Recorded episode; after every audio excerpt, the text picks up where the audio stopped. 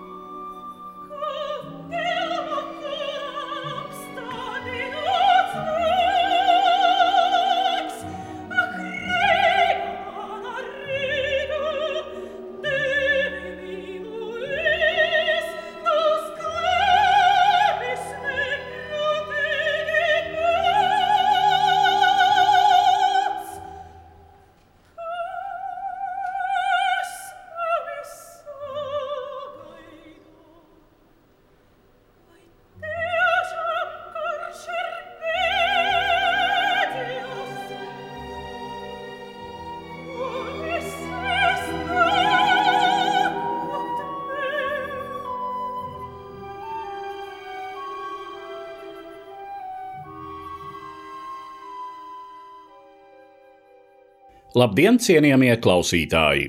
Skan fragments no 2014. gadā tapušās Artura Maskata operas Valentīna ar Liānas Langas libretu. Operas pamatā ir teātra un kinozinātnieces Valentīnas Freimanes liktenis Otrā pasaules kara laikā, kad holokaustā gāja bojā lielum lielais vairums pirmskara Latvijas ebreju kopienas. Valentīna Freimane bija viena no tiem nedaudzajiem, kuriem izdevās paslēpties un pārdzīvot šo baiso iznīcības laiku. To visu viņa aprakstījusi savā autobiogrāfiskajā darbā ar dievu Atlantīda. Nodzīvojusi ilgu un ražanu mūžu, Valentīna Freimane aizgāja mūžībā pāris dienas pirms savas 96. dzimšanas dienas 2018. gadā. 18. februārī apritēja simts gadi kopš Valentīnas Freimanes dzimšanas. Šai sakarā uzmeklēju savā arhīvā 2012. gadā tapušu sarunu ar Valentīnu Freimani, kuru ierakstīju viesojoties pie viņas Berlīnē. Tolaik šī saruna tā arī nenonāca līdz ēteram, pirmkārt tāpēc, ka Freimanes kundze to neuzskatīja par pietiekami saturiski nostrādātu. Šodien ar laika distanci tas, protams, šķiet pārspīlēti kritisks vērtējums, un mani pašu pat pārsteidz, cik aktuāli ir daudzi no tematiem un izskanējušajām domām. Sarunas pirmo daļu varējāt klausīties 20. februārī. Šodien piedāvāju jūsu uzmanībai tās turpinājumu.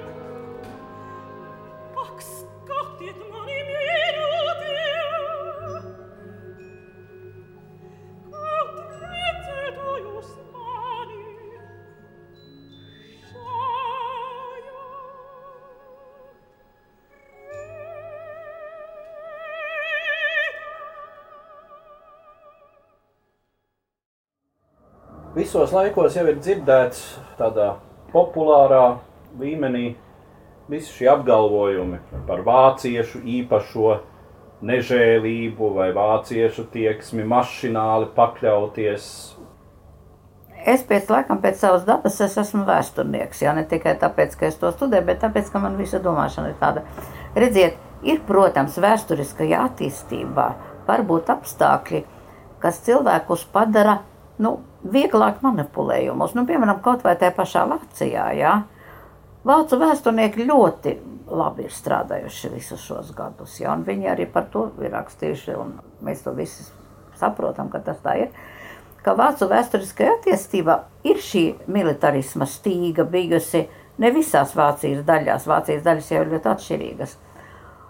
Un militārās disciplīnas, militāro tādu militāro vērtību, teiksim, jā, idealizācija, tas viss var predisponēt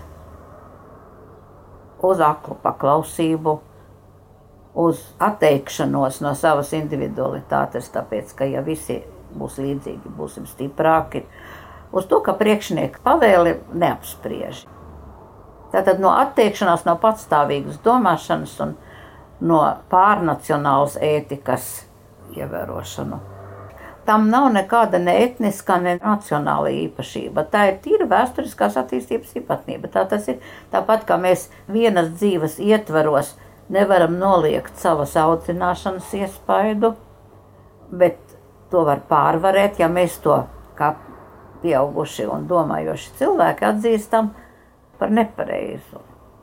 Kā pieauguši un domājoši cilvēki. Jā, Un tāpat tautas, kuras ir pieaugušas un domājušas, un tas var notikt tikai demokrātijas apstākļos, kad cilvēkam vispār atļauj domāt un veicina to. Tāpat var pagātnes mantojumā izvēlēties to, kas ir labājams kā vērtībai. Un atkal tas, ko varbūt, kas vēl kas līdzi vai ne, un patiesībā kam nav vieta mūsu dzīvēm. Cik jums vispār šķiet produktīva tā analoģija starp kādas tautas raksturu un personības attīstību, sevišķi tādās vecuma posma īpatnību kategorijās, nu, piemēram, tauta pusaudzis, kā reizēm saka par savienotajām valstīm. Jā. Vai tauta? To nevajag, ja to nepārspīlē, jā, dažkārt vienkārši kā metafora, jā, ne vairāk, kā metafora. Piemēram, ir dažas metafāras, kas ir trāpīgas, bet kuras nekad par zinātniskām kategorijām nevar pārvērst un nevajag arī. Bet palīdz mums iedziļināties kaut kā. Ziniet, es vienmēr domāju, ka saprast ir par maz zināšanas gūt. Vajag apjēgt, ja? Un apjēgt tas tomēr nozīmē, ka arī darbojas ne tikai intelektuālie centri, ka tu kaut kā arī intuitīvi un ar tavām emocijām iejūties šajā parādībā, un tad tu viņu vari apjēgt. Un tur metafors var mums ļoti palīdzēt. Dažkārt mēs līdz kaut kādām slēptām patiesībām nokļūstam tieši pateicoties metaforām un līdzībām. Nu, no Bībeles laikiem zinām lieta. Kā ir ar metaforu? Latviešu nācija, bērns, kurš var nepiedzīvot pilngadību. Es, es domāju, ka tā ir vienkārši tāda dusmīga metafora. To var, to var tikai pateikt dusmu brīdī, jo man liekas, ka tur nav nekāda reāls jēgas. Tā nav metafora, tas ir vienkārši, nu, tad, kad, tāpat kā bērnam kādreiz gribas no dunku dot, uh, lai viņš attiecas, tad tā ir tāda, tāda provokācija neliela. Arī kādreiz var atļauties, jā, bet nevajag nopietni ņemt. Bet viens ir fakts, teiksim, ka nu, tautu vienas valsts teiksim, iedzīvotāja, ja, politiskas nācijas pieaugšana var īsti notikt vienīgi tādos apstākļos, kad viņai ir ļauts patstāvīgi spriest un domāt, kļūdīties, bet jāpalīdz saprast savas kļūdas, bet lemt pašiem. Lemt pašiem. Un nesen es tādu ļoti interesantu vēsturnieka rakstu te vācu lasīju tieši par kolektīvu tautu psiholoģijas analīzi. No vēsturiskā viedokļa, jo etnisko viedokli tas ir sen, nekāda etniska vispār vairs nav tīra etnos, kā mēs zinām. Un tur bija tieši par to runa, ka ļoti daudzas tautas, kuram nebija vēsture devusi izdevību attīstīties demokratiski, tajā ziņā, ka nebija atļauts pašiem pareizus un nepareizus lēmumus pieņemt un tos izprast pēc tam ļoti viegli ir viņus manipulēt ar tēva tēla palīdzību. Jo viņiem dzīvo iekšā vēlme, lai būtu viens, uz ko var paļauties, kas no mums noņem smagmi, kas mums jānes atbildību. Un nepieciešamības pašiem saprast, vai pareizi vai nepareizi, viens, kam var ticēt, kam var sekot. Un tad arī varētu būt ar mieru atteikties no tām brīvībām, vai ne? Jo ir tomēr tik jauki, ka pašam nav jāatbild ne par ko, vai ne? Un ka tā esot viena no pazīmēm tieši tādām tautām, kas nav norūdījušies demokrātijas grūtībās. Es nezinu, kurš tas bija, kas pateica, ka demokrātija ir viens drausmīgs, vispār uh, smags un nevisai perfekts iekārtojuma veids valstī, bet nekā labākā nav. Tas ir Čērčils. Demokrātija ir vissliktākā sistēma, jā. bet nekas labāks nav jā, izdomāts. Jā, jā. Un tā tas arī ir. Un, nu, piemēram, tādi angļi, ja, briti. Nu, viņiem arī vēsture ir pilna ar visādām diezgan baigām lietām, jā, kā mēs zinām. Bet nu, tā tas ir iznācis, ka uz šitām saliņām agrāk nekā citur kaut kādas tiesības un pienākumus tiem iedzīvotājiem iedeva. Ja? monarhijas ietveros. Revolūcija, paldies Dievam, viņiem bija stipri agri un, un nebija pārāk tāda briesmīga, bet nu, kaut ko izmēģināja no mājas un, un atgriezās pie tās pašas monarhijas. Nu, nu šā un tā visādi gāja, bet tomēr nekad nebija, un tagad vairs nedraud arī liekas vēlēšanās, lai būtu Dieva vietā tēvs tēva tēvs. Šitais fāter figūra, vai ne? Viens no lielajiem Freida atklājumiem, kuru nīst un tomēr mīl, un kurš ļauj tev dzīvot kā bērnam, aizsargātam. Un kas ir ilūzija, kas vispār pieaugušiem cilvēkiem nevar būt. Jā, un, nu, jo tālāk uz austrumiem jāsaka, jo šis tēls spēcīgāks. Un it īpaši, nu, piemēram, Krievijas īpatnēji apstākļi, kuri veidojušies sākot jau ar Bizantijas laikiem, ir tas, ka reliģija un laicīgās ir vienoti. Nekur citur tā nav. Baznīcas galvā ir valdnieks. Tā sakot, ticībā un politika ir ārkārtīgi cieši saistīti vēsturiski Krievijā. Un vienalga, pat ja tu viņiem uzspiedu marksismu, viņš viņu patēs par ticību. Viens mans draugs, tāds Maskavas filozofs, kurš ārzemēs strādā ļoti daudz. Riklīns, Mihails Riklīns uzrakstījis ļoti labu grāmatu Komunisms kā reliģija. Viņa te vaciski prēmiju kaut kādu dabūja Leipcigā pirms kāda laika. Ilgu laiku viņa krieviski netika izdota, tagad viņa esot izdota krieviski arī tā grāmata. Ļoti laba grāmata, interesanti, kur viņš tieši no šī viedokļa. Kā komunisms, kas piedzima kā viena no politiskām doktrīnām, vai ne? Kur viena daļa, ekonomiskā daļa balstās uz zinātni, un politiskā daļa balstās uz utopijām, kuras jau vecas ir, un ko savienoja tagad pārvērtās. Tā kā Marks Nabadzīņš nekad to nebūtu domājis, un oh, briesmīgākā fantāzija nebū, nebūtu to iet. Tajā zemē, kuru viņš tik ārkārtīgi, no, no kuras viņš tā brīdināja, ka tieši tieši tur ieviesīsies un īsā laikā pārvērtās par ticību. Nu, mēs tā vienkārši pieskaramies viegli prātīgi tādām nopietnām lietām, bet man Vācijā ļoti patīk tas, ka ir, nu, teiksim tā, pilsoņu daļa, kura ir ieinteresēta, teiksim tā, analītiskajā dzīves izpratnē un vēstures izpratnē, tā ir stipri liela un neaptver tikai intelektuāļus.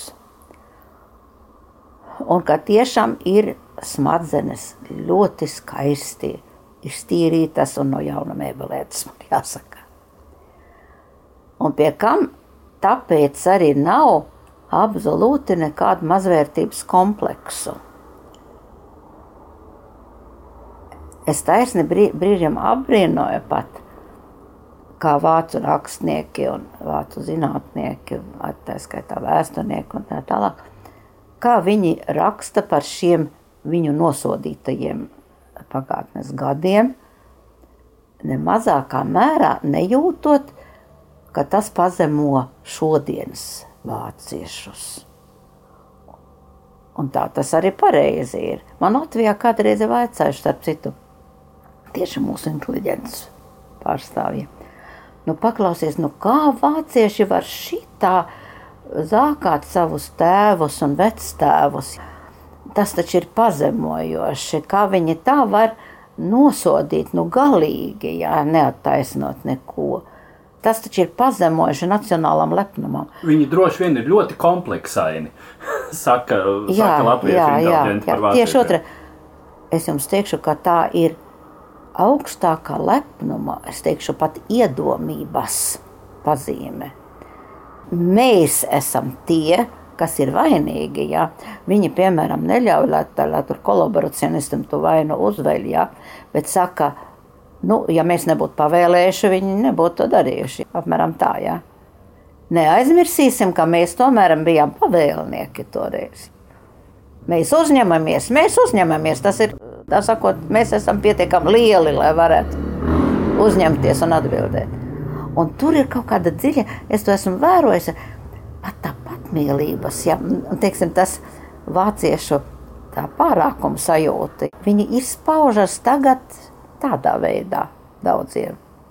Pārējie baigā paskaties, Franči līdz 90. gadiem nav bijuši spējīgi vispār vēsturnieki savus kolaboracionistus eh, aprakstīt un izanalizēt. Ha, ha, ha. La Grande Nation ironiski, ja. Mēs jau sen bijām galā ar visu. Tad.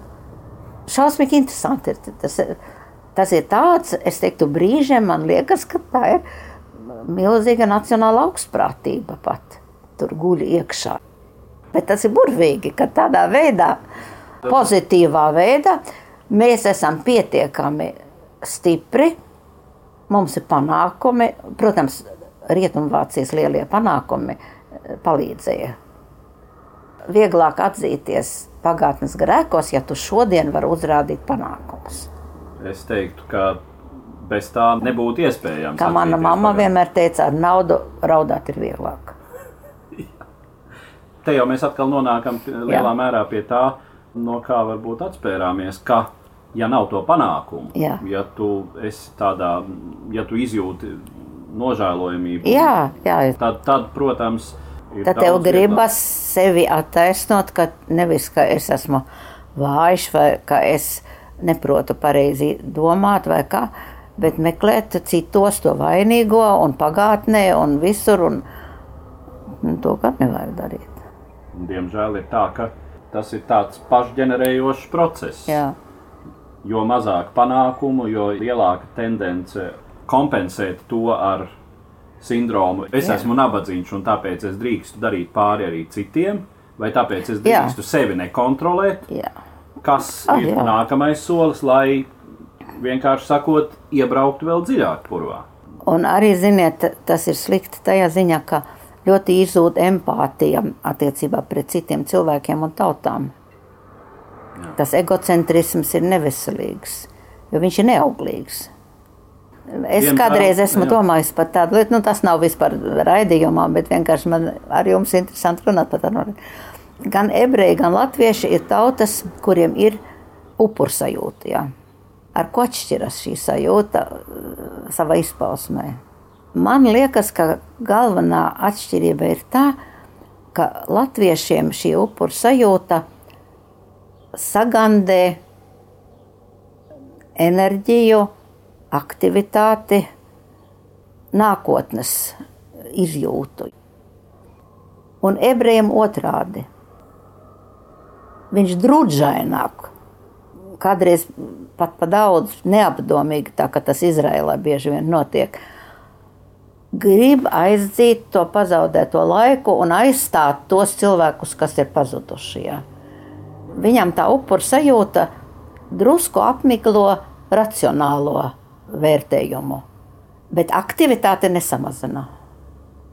Vai tā ir tāda vēsturiska īpatnība, jau tagad pārvērtusies par genetisku, jo vēsturiskas īpatnības jau, es, ne, es nezinu, cik ilgs laiks ir vajadzīgs, lai iespiestos genetiskās programmās, tas vēl nav galīgi noskaidrots. Kā ar tam garīgajām īpašībām ir genetiskā programmā. Bet fakts ir tas, ka zināmā laika posmā viņas pārvēršas par genetisku pārmantojamību. Tās ir pārdomas vienkārši. Jā, starp citu, pašreizējais īpašuma jautājums ir juridiski pareizs. Bija viens brīdis, kad gribēja dabūt kompensāciju, bija izdomājuši juridiski ļoti nepareizi un nekādas taisnības. Nekāda Latvija nav vainīga ne pie kā, jo Latvija ir valsts, kuras nebija, viņa bija okupēta valsts, un ne no kādas okupētas valsts nevar prasīt kompensāciju par to, ko tie okupanti ir darījuši. Ja. Cita lieta ir eh, pašlaik, kur runa iet par nacionalizētiem īpašumiem, ja, kuri nav atdoti atpakaļ, tāpēc, ka cilvēki ir izkauti. Jā. Un tas eh, maina to organizācijas statusu tajā ziņā, ka uz tām var attiecināt mantojuma tiesības, kādas ir ģimenēs, ja ir pazudusi viena ģimene, jā, un ir tikai ļoti attāli radinieki. Vienalga viņiem ir mantošanas tiesības. Protams, ka negribas. Nu, no, nu, jo ziniet, kā ir šis simboliskais notikums, par kuru ļoti daudz runā, to dienu pat atzīmē, kas bija Polijā ar to ciemu. Tas ir, es aizmirsu, kā to ciematu sauc kur 39. gadā tur Polijā jau karš agrāk sāca. 39. gadā jau bija tie visi ebreji, tur, nu, tur jau ebreji laukos dzīvoja. Un tas bija tāds miests, vai ne, kur ļoti liels procents bija ebreji iedzīvotāji. Un tos visus izdzina un pēc tam nokāva un viss bija pārliecināti, ka tur neviena vairs nav. Un tas īpašums, protams, cilvēki, kuri tur dzīvoja, viņi nebija pie, ne pie kādas vainas, ne viņi kādu bija slepkavojuši, neko. Bet, nu, jā, jau tas īpašums ir, tad viņi pārņēma, viņi iegāja mājā, saņēma visas mantas. Un, un ārkārtīgs uzplaukums bija tiem pārējiem uh, iedzīvotājiem, jo bija diezgan daudz ko sadalīt savā starpā. Nu, viņi mierīgi dzīvoja tālāk, un pēkšņi beidzas karš, un tas bija nākam 46. gadā. Vēl īsti tā padomu vara tur nebija tā īsti vēl nogruntējusies. Pēkšņi ierodas vairākas ģimenes un saka, no nu, cilvēku mīļā, mums nav kur dzīvot, ne, mums ir savas mājas šeit, vai ne? Un sākas drausmīgs ebreju grautiņš, cilvēks tur nosita vairākus. Atzina viņus vispār ārā no turienes. Un to uzskata par tādu ļoti no raksturīgu cilvēku psiholoģijas izpausmi, ekstremālu. Jā.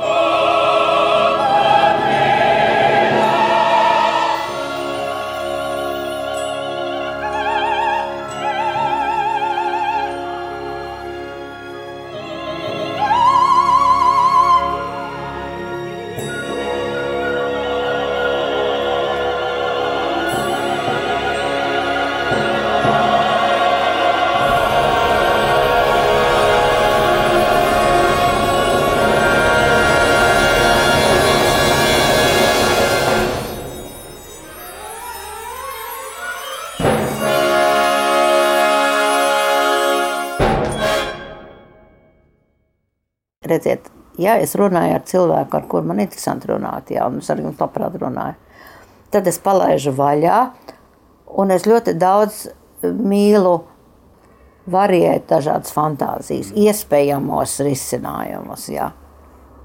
Man ļoti nepatīk uzstāties sabiedrības priekšā, nu, kā tāda nu, nodzīvojusi līdz simt gadiem.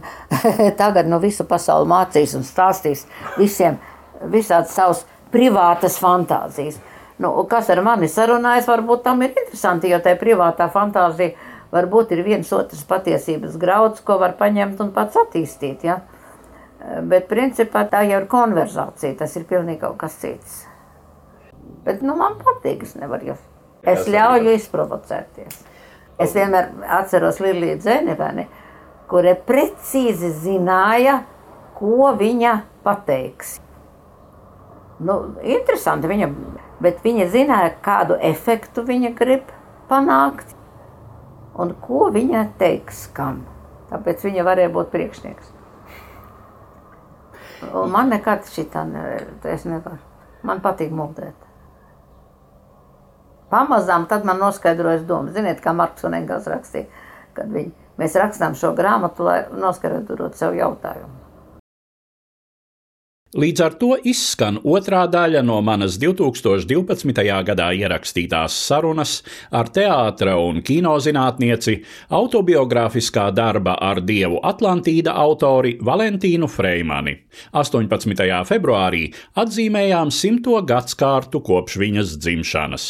Raidījumā dzirdējāt fragmentus no Artura Maskata operas Valentīna, kuras pamatā ir Valentīnas Freimanes liktenis Otrā pasaules kara laikā izdzīvojot holokausta traģēdijā. Trešo un pēdējo daļu no manas sarunas ar Valentīnu Freimani plānoju piedāvāt jūsu uzmanībai nākamsvētdien, 13. martā. Uzredzēšanos cienījamie klausītāji! Katru svētdienu Latvijas radio viens par pagātni sarunājas Eduards Līniņš.